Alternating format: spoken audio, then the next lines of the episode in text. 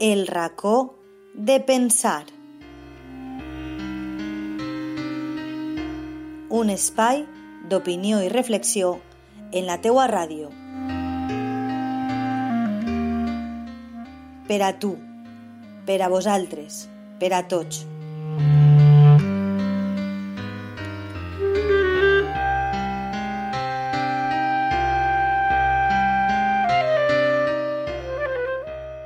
Soc conscient de que aquest hivern passat ha estat molt llarg, trist i dur per a gran part de la població. Per contra, aquest ha estat un dels hiverns que més ràpid m'ha passat a la vida. L'hivern de les videoconferències. Per sempre quedarà a la nostra memòria l'inici del 2020, un any atípic que ja ens feia presagiar el que correria a la humanitat setmanes més tard. És aquesta una prova de fortalesa física i psicològica que ens porta la vida – una més. Viure la incertesa de la propagació, del contagi, d'un virus tan nou i letal com el coronavirus aporta a qualsevol persona angoixa, preocupació i por, en la majoria dels casos. Però passar aquesta extraordinària, no per meravellosa, precisament, situació amb xiquets o persones vulnerables, la fan més especial i diferent. Per una banda, l'aïllament que provoca el fet de voler protegir-te, protegir a la resta de familiars i amics, mesos més propers que mai, però físicament allunyats, mirant-nos a través d'una finestra artificial de llum que ens permet veure'ns i parlar, emocionar-nos i maleir aquesta pandèmia que tant ha canviat les nostres rutines diàries.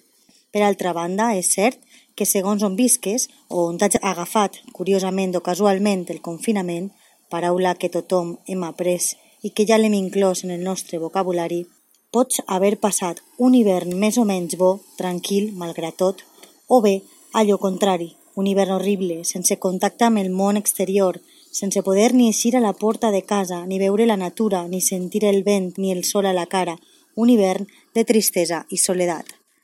Una altra circumstància curiosa que ha esdevingut d'aquesta situació és el fet de contactar amb familiars i amics que no solies fer-ho abans, a diari, o fins i tot que feia mesos o anys que no hi havia tanta relació.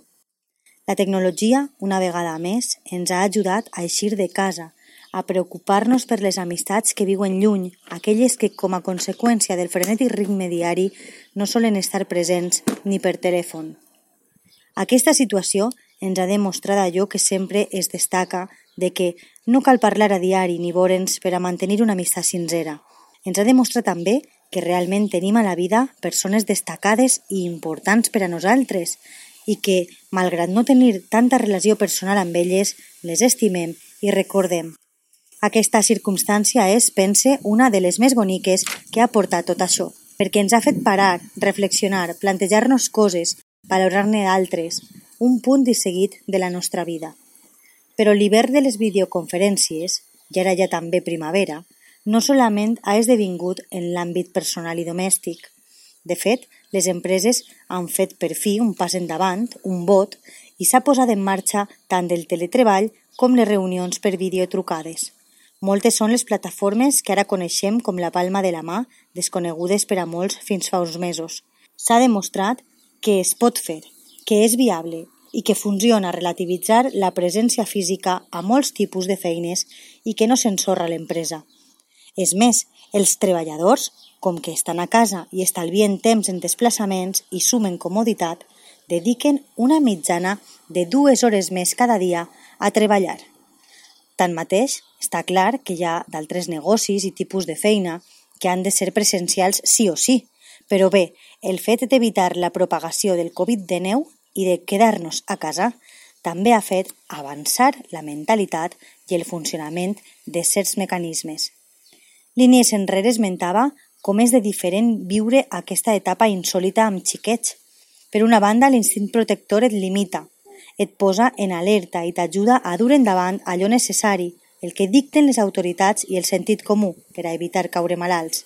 Una espècie de por o fòbia em manté protegida i sumat amb l'estrès de la feina, teletreball, videoconferències, la casa, etc., ajuda a passar els dies ràpidament. Allò més diferent és el fet d'estar tots a casa. Fer de mestra, animadora sociocultural, amiga i de vegades guàrdia civil no és una tasca fàcil ni senzilla per a les famílies, les quals han de compartir una estància probablement no massa gran i compaginar-ho tot amb la feina.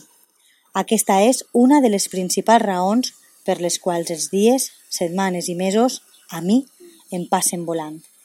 La sensació és contradictòria. Sents que el temps s'escapa, que passa molt ràpid, i que t'estàs perdent moltes coses, sobretot en relació a la vida anterior. Però també sents profundament tranquil·litat de poder romandre tots a casa, junts, gaudir de la nostra companyia, valorar les comoditats que tenim, com som d'afortunats, i poder dedicar una mica més de temps als nostres. Quan tot passe, una frase molt esmentada últimament, no solament els menuts hauran de passar un període d'adaptació, també els adults.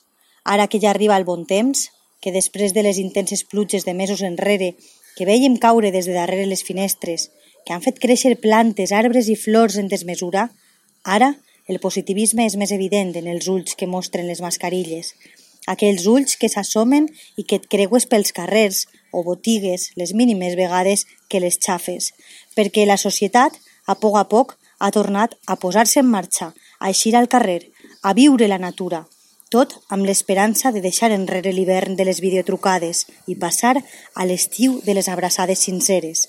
Per a tot això, caldrà esperar i ser pacient. Pels moments, el sol ja assoma i ocupa el protagonisme del cel.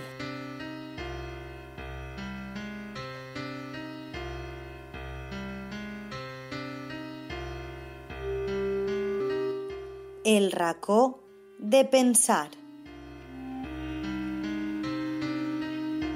un espai d'opinió i reflexió en la teua ràdio. Per a tu, per a vosaltres, per a tots.